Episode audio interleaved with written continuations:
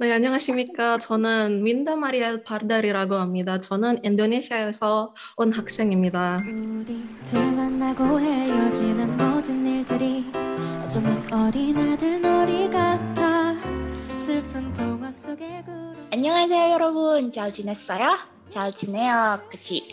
Eh, barengan lagi nih sama aku Aulia, Ardi dan juga Afifah Nah di edisi kedua untuk series Korea pada sore hari ini kita udah kedatangan tamu istimewa yang cantik banget dan udah mirip banget sama uni-uni Korea Ada Kak Rihel yang bakalan berbagi cerita dan juga sharing cerita-ceritanya tentang apa aja struggle yang sudah dilewati saat mendapatkan beasiswa GKS.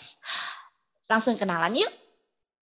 Oke, jadi perkenalan dulu ya. Nama aku Marihel Pardawinda. Biasanya dipanggil Rihel. Tapi karena aku kuliah di Korea, orang pada panggil Winda biasanya kalau di sini. Jadi karena namanya kan biasanya diganti gitu dan mungkin lebih simpel kali ya dipanggilnya kayak gitu. Jadi kalian kalau mau panggil Winda atau Rihel, terserah lagi yang mana lebih comfortable aja. Aku sekarang lagi study di Jeonbuk National University di Jeonju di Korea Selatan. Aku majornya teknik industri dan sistem informasi kalau di bahasa Indonesianya gitu. Aku juga GKS awardee Global Korean Scholarship tahun 2020. Dan sebelum study ini sekarang aku masih tahun pertama sebenarnya. Jadi tahun kemarin aku juga udah dapat pelatihan bahasa selama setahun di Busan University of Foreign Studies di kota Busan gitu. Wow, keren banget nih. Hari kita kayaknya satu jurusan deh ya. Aku dari sistem informasi gitu. Oh, Jadi mungkin kalau ngomongin soal pemodelan-pemodelan kita agak sedikit nyambung. Oke, okay, nah uh, Korea itu kan emang sekarang kayaknya banyak banget ya orang-orang interest ke Korea, apalagi di Indonesia. Termasuk aku sendiri tuh suka banget nonton drama Korea. Nah, jadi kalau dari Kari, Kari Hel ini emang apakah mau lanjut ke Korea karena fanatik banget sama Korea uh, atau gimana nih kak? Aku sebenarnya juga sama sih suka Korea, tapi nggak yang uh, jadi alasan pengen study sebenarnya kayak standar lah ibarat ngomongnya sukanya tuh ya suka drama, suka K-pop dan lain-lain. Tapi kalau reason buat study akhirnya sampai ke Korea bukan itu. Aku pun awalnya sebenarnya nggak ada tertarik kalau buat study ke Korea, cuman pengen ya jadi turis atau jalan-jalan kalau ke Korea intinya dulu hmm. tuh awalnya pengen nyari negara yang native language-nya itu English karena ya pasti aku juga ngerasa aku lebih biasa sama bahasa Indonesia dan Inggris gitu hmm. ketimbang bahasa Korea karena aku nggak bisa sama sekali bahasa Korea sebelumnya jadi emang belum ada pertimbangan waktu itu tapi kan kalau nyari aku kebetulan kalau S1 aku lebih prefer nyari beasiswa karena kan buat sekolah keluar tuh banyak banget keluar biaya dan segala macamnya ya. Apalagi di negara misalnya Eropa atau Amerika gitu. Dan setelah melihat requirement dan lain-lain akhirnya ketemu beasiswa si GKS ini gitu. Dan persyaratan dan lain-lainnya udah merasa pas dan aku bisa daftar nih gitu. Akhirnya kayak oh di Korea juga bagus neliti-neliti juga kan univ-univ apa aja jurusan apa aja yang tersedia gitu akhirnya memutuskan oh kayaknya bisa nih ke Korea dan akhirnya ya sampai di Korea gitu kurang lebih Oke, ini selanjutnya pertanyaan dari aku Kak Rihel. Aku tuh sebenarnya penasaran kan kata Kak Rihel ini kan sebenarnya katanya pingin ke negara yang native-nya tuh bahasa Inggris gitu. Tapi sebenarnya sejak kapan sih Kak Rihel ini tuh berjuang gitu buat nyari beasiswa khususnya beasiswa Korea ini gitu? Iya, jadi kalau start banget nyari-nyari beasiswa itu sebenarnya udah lama dari SMA gitu kan kayak udah kita ya kalau mau keluar beasiswa ke luar negeri lagi gitu. Persiapannya menurut aku emang harus agak dari jauh-jauh hari gitu. Karena banyak banget kan yang harus dipersiapkan mulai dari tes bahasa, terus buat apalagi kalau misalnya mau ngambil yang ke US atau UK biasanya harus ngambil level A atau masalahnya tes dan lain-lain gitu kan. Jadi banyak banget. Nah, tapi kalau untuk spesifik beasiswa yang ke Korea sendiri, aku baru start nyari itu setahun sebelum aku daftar. Jadi aku daftar tuh tahun 2019 kan. Aku udah mulai nyari tahu itu sebenarnya nyari tahu in general beasiswa apa aja sih yang available buat jenjang undergraduate atau S1 kan. Nah, mulai tahu-tahu si GKS, tapi namanya dulu ini tuh KGSP. Jadi semenjak tahun angkatan aku itu diganti kalau nggak salah, jadi GKS namanya.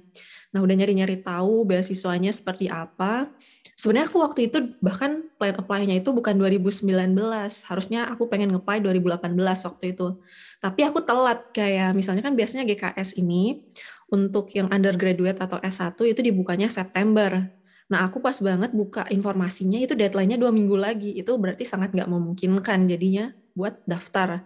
Jadi kayak nunggu setahun lagi buat daftarnya. Tapi selama setahun ini aku juga bisa dibilang nggak yang persiapan banget dari tahun aku 2018 sampai 19 tahun full itu aku nggak persiapan banget gitu. Aku persiapan kalau yang benar-benar nyiapin berkas, translate dan lain-lainnya itu startnya dari Agustus akhir sebenarnya. Dan kalau deadline biasanya GKS itu dibuka September, itu deadline-nya biasanya Oktober. Jadi kalau misalnya kita pas buka, misalnya pas banget nih tahu kebetulannya pas banget September masih ada sebenarnya waktu satu bulan buat nyiapin berkas-berkasnya gitu. Tapi aku waktu itu startnya dari August kan, jadi kita bisa nyari-nyari kayak buat translator, buat nyari notaris dan lain-lain gitu. Tapi balik lagi sih kalau beasiswa kayak gini sebenarnya makin jauh hari makin bagus gitu kalau dipersiapkannya. Oke, Kak Rihel. Uh, kebetulan aku juga daftar GKS uh, eh, dua kali, cuman nggak tembus gitu ya. Tapi S2, uh, setauku kan emang ini GKS itu uh, yang emang selain Koreanya adalah incaran banyak mahasiswa gitu di di Surabaya uh, di Surabaya di Indonesia. Uh, eh, GKS ini kan juga uh, pembiayaan yang memang fully funded gitu. Jadi intinya banyak lah yang daftar GKS uh, nah Kak Rihal sendiri itu berarti ini intinya one shot ya untuk beasiswa GKS-nya um, bisa dibilang iya sih.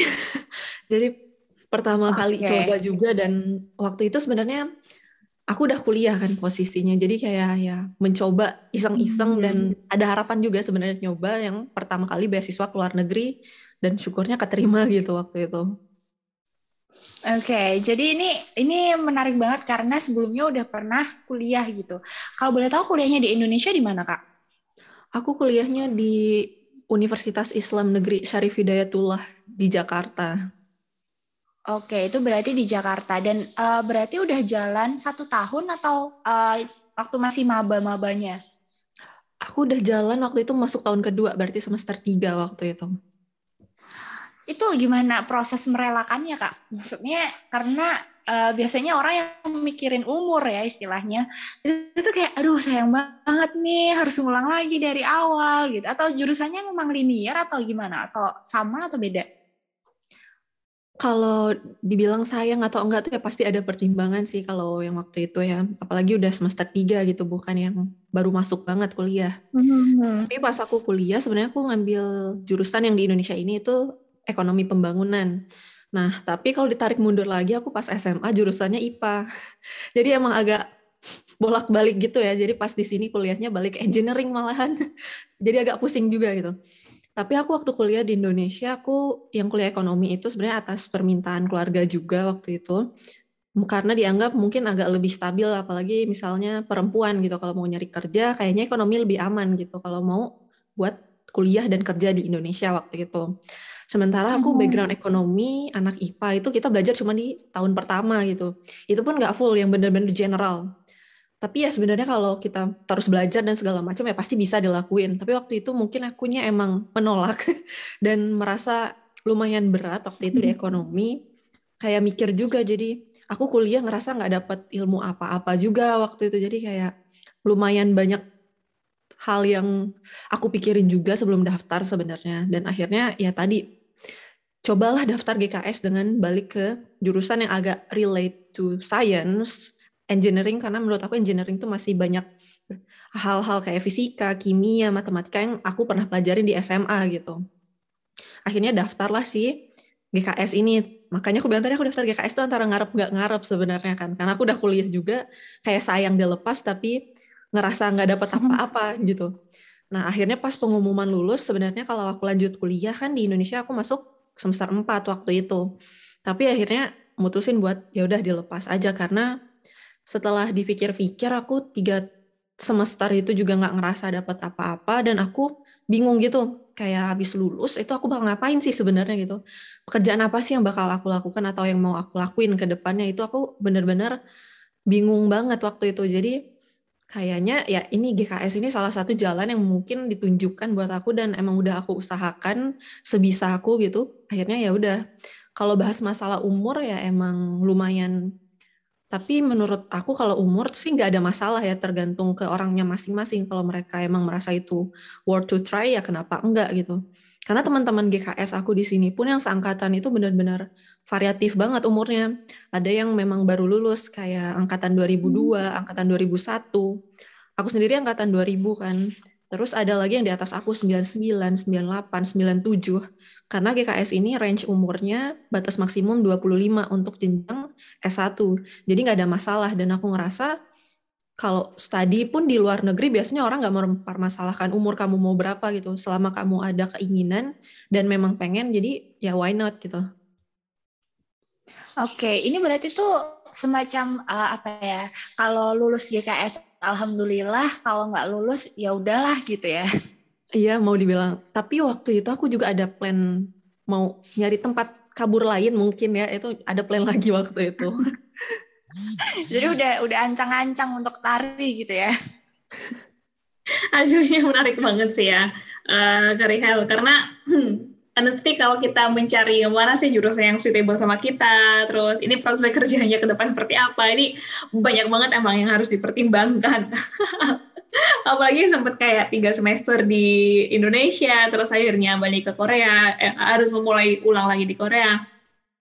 Walaupun sebenarnya untuk studi di Korea itu kan uh, bisa dibilang impian semua orang gitu ya, apalagi pecinta-pecinta Korea macam aku contohnya gitu. Nah, tapi ketika uh, karir ini sudah ada di Korea, kayak pernah nggak sih ngerasa nyesel akhirnya melepas kuliah di Indonesia gara-gara mungkin culture shock atau apa ya stres dengan kehidupan Korea yang ada gitu? Iya, kalau dibilang nyesel atau enggak, jujur aku nggak pernah nyesel. Stres apa pun, misalnya ujian atau hmm. tes bahasa atau apa pun itu yang bikin kayak kadang ah kenapa ke Korea? gitu. Itu ada pikiran seperti itu. Kadang pusing pastilah ya apalagi di negara orang gitu. Tapi kalau ditanya nyesel apa enggak ngelepas kuliah di Indonesia aku so far nggak pernah ngerasa nyesel buat ngelepas kuliah aku. Karena aku ngerasanya ya kuliah pas di Indonesia aku juga nggak dapat apa-apa. Ya pasti adalah dikit ilmu yang masih tersisa gitu tapi. Tapi kalau so far aku ngerasa aku dapat lebih banyak lagi di sini ilmu yang aku dapetin terus network teman-teman dan pengalaman yang aku dapetin di sini sangat bagus banget gitu. Jadi kalau ditanya nyesel enggak. Sepusing apa pun sesetres apa pun so far masih bisa ditahan gitu loh. Oke. Okay. Jadi karena memang kalau yang kita dengar-dengar ya uh, kuliah di Asia Timur di Korea Selatan itu pressure-nya tinggi banget, apalagi kayak yang digambarkan di drama-drama itu yang saingannya sampai aduh belajarnya eh, uh, 24 jam gitu bisa dibilang. Berarti apa pun kondisinya dari Karihel tetap ini ya, tetap struggle untuk menjalani kehidupan ke depan. Oke, ini uh, pertanyaan berikutnya Kak Rihel. Uh, sebenarnya kita flashback balik lagi tentang uh, apply beasiswanya si GKS ini. Nah, sebenarnya waktu Kak Rihel ini kan uh, udah keterima kuliah, jatuhnya kan sebenarnya lebih santai gitu. Nah, ketika apply, tapi sebenarnya Kak Rihel ini apa sih yang meyakinkan Kak Rihel kalau apa dokumennya Kak Rihel itu pasti lolos dan kayaknya Kak Rihel bakal oke okay, aku bakal berangkat ke Korea deh kayaknya gitu. Dan apa sih kira-kira gitu yang membuat Kak Rihel lolos ini? Ya emang lumayan santai mungkin karena udah kuliah ya, ya tadi ya. Jadi kalaupun ditolak ya masih bisa kuliah ibarat ngomongnya ya, atau bener-bener. cari jalan lain gitu. Tapi kalau ditanya apa sih yang membuat mereka milih aku atau dari dokumen aku, aku juga jujur masih bingung ya. Karena kalau ditanya sama teman-teman pun kadang misalnya kita lihat apa ya kira-kira yang buat kita dipilih dulu tuh teman-teman pun kayak nggak ada yang tahu gitu kenapa bisa kepilih gitu.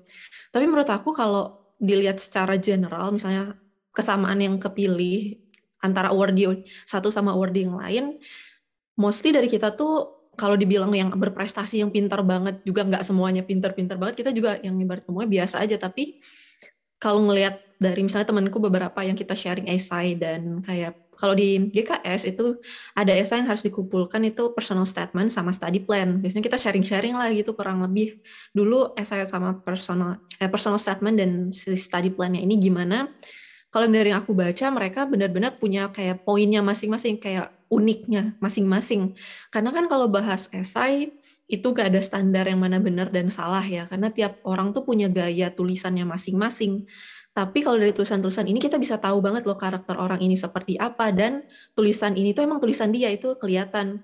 Karena kadang kan kita kalau esai gitu pasti nyari referensi atau minta bantuan orang lain. Tapi gimana caranya tetap nunjukin bahwa esai ini tuh punya originalitas dari kitanya. Punya keunikan dan semua hal yang mereka minta itu tersampaikan dengan baik. Jadi di personal statement dan study plan-nya buat GKS itu ada pertanyaan-pertanyaan sebenarnya yang udah mereka taruh di guideline. Apa aja sih yang harus di-mention di personal statement dan si study plan ini. Nah, kalau menurut aku so far yang aku baca gitu dari teman-temanku juga dan kadang baca esai orang lain, itu teman-temanku atau mostly kita yang udah jadi awardee itu biasanya esainya itu sudah mencangkup isi apa yang mereka minta dan juga pengaruh ketika wawancara sebenarnya.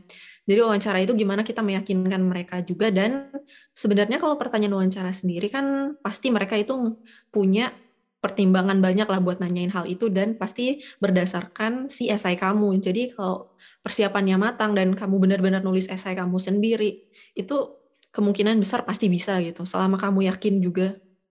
Uh, sebentar, ini aku mau nanya lagi dikit gitu sebe waktu interview boleh nggak sih Kak di-spill dikit gitu? Pertanyaan apa yang Kak Rihel masih inget dan kira-kira agak sedikit menohok waktu Kak Rihel ditanyain kayak mamanya apa sih yang spesial dari kamu? gitu-gitu. Ada nggak sih Kak gitu?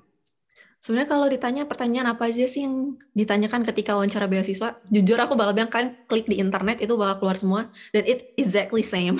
Pertanyaannya kenapa milih Korea, kenapa milih univ ini, kenapa milih major ini dan gimana kamu bakal adaptasi ke depannya atau hal-hal yang kemungkinan bakal kamu rasakan agak berbeda dari negara kamu seperti budaya minum, terus teman-teman kamu dan lain-lain itu pasti beda gimana kamu mengatasinya atau nolak segala macam. Tapi kalau menurut aku so far pertanyaan yang paling berkesan itu ditanya waktu itu yang buat adaptasi sih. Sebenarnya kalau menurut aku pertanyaan aku nggak ada yang benar-benar sulit banget.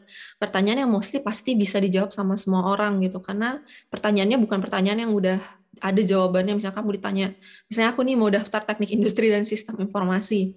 Terus tiba-tiba ditanya tentang field itu ataupun tentang misalnya teori ini atau gimana buat ini itu enggak gitu.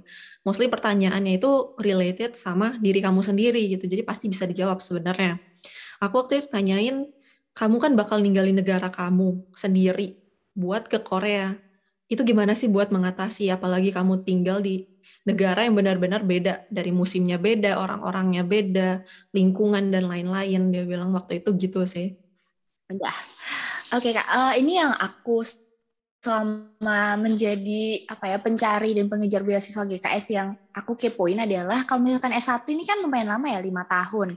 Nah itu kalau dari GKS sendiri tuh kayak memfasilitasi untuk uh, satu kali flight untuk pulang ke Indonesia atau sama sekali gak ada. Jadi kayak cuman pas berangkat sama pas pulang nanti aja pas lulus. Itu sama buat semua jenjang aku rasa itu flight kita datang ke Korea sama kalau mau udah lulus nanti pulang ke negara itu cuman itu aja yang difasilitasi kalau itu. Oh, Oke, okay. jadi selama apa pun di Korea kan kalau S2 cuma dua tahun ya, dua tahun tiga tahun lah. Kalau misalkan ini meskipun lima tahun berarti tetap nggak bisa balik, di, tidak dibiayai gitu ya untuk GKS dari GKS-nya. Iya. Paling kalau mau balik uh, ya dibiayai eh, sendiri eh, gitu. Iya, oke oke. Uh, Kak Rihal, ini untuk yang yang terakhir sebenarnya pertanyaannya ini out of topics ya. Cuman tadi udah sempat dibahas juga uh, soal pertanyaan tentang interview yang mana uh, tentang budaya minum-minum uh, gitu ya di Korea gitu. Nah kalau dari Kak Rihal sendiri, um, kan yang terlihat di Korea tuh selalu hal-hal yang menyenangkan gitu. Tapi sebenarnya semenyenangkan apa sih tinggal di Korea, apalagi buat orang-orang yang berkerudung gitu, perempuan-perempuan yang kelihatan kalau ini tuh uh, agamanya ini banget gitu. Apakah ada uh, perbedaan apa ya, perbedaan proses berteman kalau di Korea sendiri? Sebenarnya kalau ditanya gimana sih jadi muslim dan pakai hijab gitu kalau di Korea, itu kalau menurut aku aku baginya hmm. dua gitu di sekolah sama di luar sekolah. Karena kalau di sekolah, di lingkungan pendidikan, beberapa dari mereka pasti udah terbiasa dan tahu gitu keadaan dan budaya kita. Apalagi di sekolahku, di kampusku itu ada international student tuh lumayan banyak, dan dari Indonesia juga gitu. Yang mana mereka banyak pakai jilbab, jadi mungkin udah kebiasa. Dan teman-temanku sangat welcoming banget. Aku juga waktu pas pertama mau masuk kelas, yang offline waktu itu lumayan deg-degan banget gitu, sampai tidur pun susah waktu itu. Karena gimana ya respon teman-teman kelasku? Karena aku satu-satunya foreigner di kelas gitu. Apa mereka nggak mau temenan atau aku bakal diliatin banget gitu? Tapi benar-benar beda banget dari yang aku bayangkan. Pas aku nyampe kelas tuh orang kayak nggak peduli gitu. Maksudnya oh ya udah dia manusia kayak kita ya udah sama gitu. Diperlakukan benar-benar teman gitu. Terus ada yang tiba-tiba nanya eh kamu kelompok berapa? gitu-gitu. Jadi aku kalau untuk di sekolah di kampus diperlakukan sama seperti warga lokal lainnya. Nggak ada masalah. Bahkan teman-teman sangat bantu banget beberapa gitu. Tapi kalau udah di luar sekolah memang beberapa orang itu nggak kebiasa gitu ngelihat muslim dan dia perempuan dan berjilbab mungkin kalau di sini. Terlebih kalau dia usianya sudah agak tua gitu atau lansia. Karena mungkin mereka juga dari dulu kan nggak kebiasa sama foreigner. Jadi mungkin kamu bakal dapat sedikit tatapan atau banyak dari ajuma atau ajoshi kalau di sini hmm. orang bilang. Mereka bakal ngeliatin kamu hmm. gitu. ngeliatin dengan kayak banyak minat gitu. Samalah kayak kalau di Indonesia biasa kalau ngeliat bule kan bule yang benar-benar dari west gitu yang tinggi rambutnya pirang. Kan diliatin tuh biasanya kalau di Indonesia. Tapi kan diliatin bukan berarti mereka nggak suka sama kamu atau mereka punya niat jahat loh. Tapi karena kamu tuh hal yang tidak biasa mereka hmm. lihat di lingkungan mereka gitu. Jadi kamu terlihat menarik sebenarnya gitu untuk mereka mungkin gitu tapi kalau so far aku nggak pernah dapat benar-benar perlakuan yang sampai kadang ada yang kadang cerita mungkin dia di Korea ditariklah jilbabnya atau di dapat kata-kata buruk atau umpatan. Hmm. Tapi aku sejauh ini nggak pernah gitu dapat hal-hal buruk syukurnya ya. Tapi paling kadang ada misalnya tiba-tiba nyamperin Ajuma atau Ajushi itu dia mungkin penasaran gitu. Nanyain apa ya yang kamu pakai atau enggak, oh cantik ya yang kamu pakai gitu atau kadang bahkan ada yang nanya negara dulu. Karena hmm. mungkin muka aku agak Chinese gitu. Kadang mereka nanya kamu dari negara mana? gitu atau enggak kamu orang Korea bukan sih? gitu mungkin karena mukanya tadi gitu. Paling so far aku nggak ada soalnya hal mirip nyakitin gitu. sih kak. Soalnya wajahnya Karihal tuh kayak emang udah bawa itu nggak tahu bawaan Korea bawaan Korea atau karena kuliah di sana jadi kayak terbiasa melihat dandanan ya, Korea kayak Korea, Korea, Korea gitu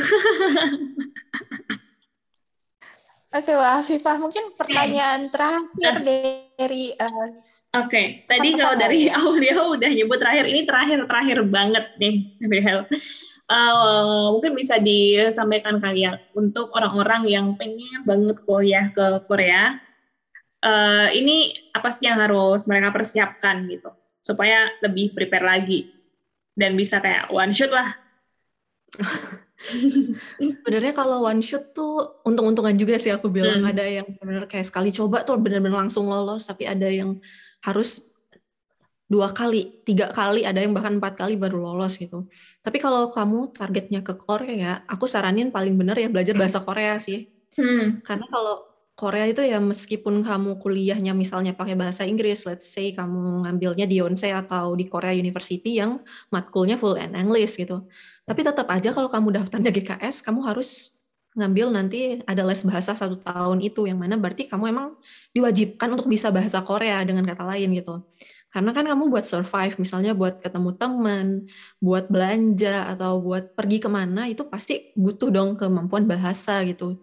Jadi kalau emang menargetkan negaranya Korea, alangkah lebih baiknya kalau belajar bahasa Korea. Apalagi kalau di GKS, setahu aku semenjak tahun depan, kalau nggak salah, apa 2024 ya, award di angkatan 2024, itu mereka menargetkan bahwa yang lolos kemungkinan yang lolos beasiswa itu adalah mahas calon mahasiswa yang udah dapat topik level 3 ke atas bakal dapat keuntungan 10 poin atau 10% di atas calon award yang lain. Wow. Itu setahu aku. Jadi kalau udah bisa bahasa Korea dan levelnya udah di atas level 3 nih topiknya, pasti punya keuntungan banget ketimbang peserta-peserta yang lain gitu. Itu tadi barusan cerita dari Kak Rihel, menarik banget ya. Masih tertarik dong kalau misalkan uh, eh, GKS membuka beasiswa lagi di tahun-tahun berikutnya dengan topik minimal tiga. Udah persiapan belum? Jangan lupa, jangan cuma belajar annyeonghaseyo aja. Kalian juga harus belajar cara beradaptasi dan juga bahasa-bahasa Korea sehari-hari yang ada di Korea. So, stay tune terus ya di Titik Juda Podcast. Bye!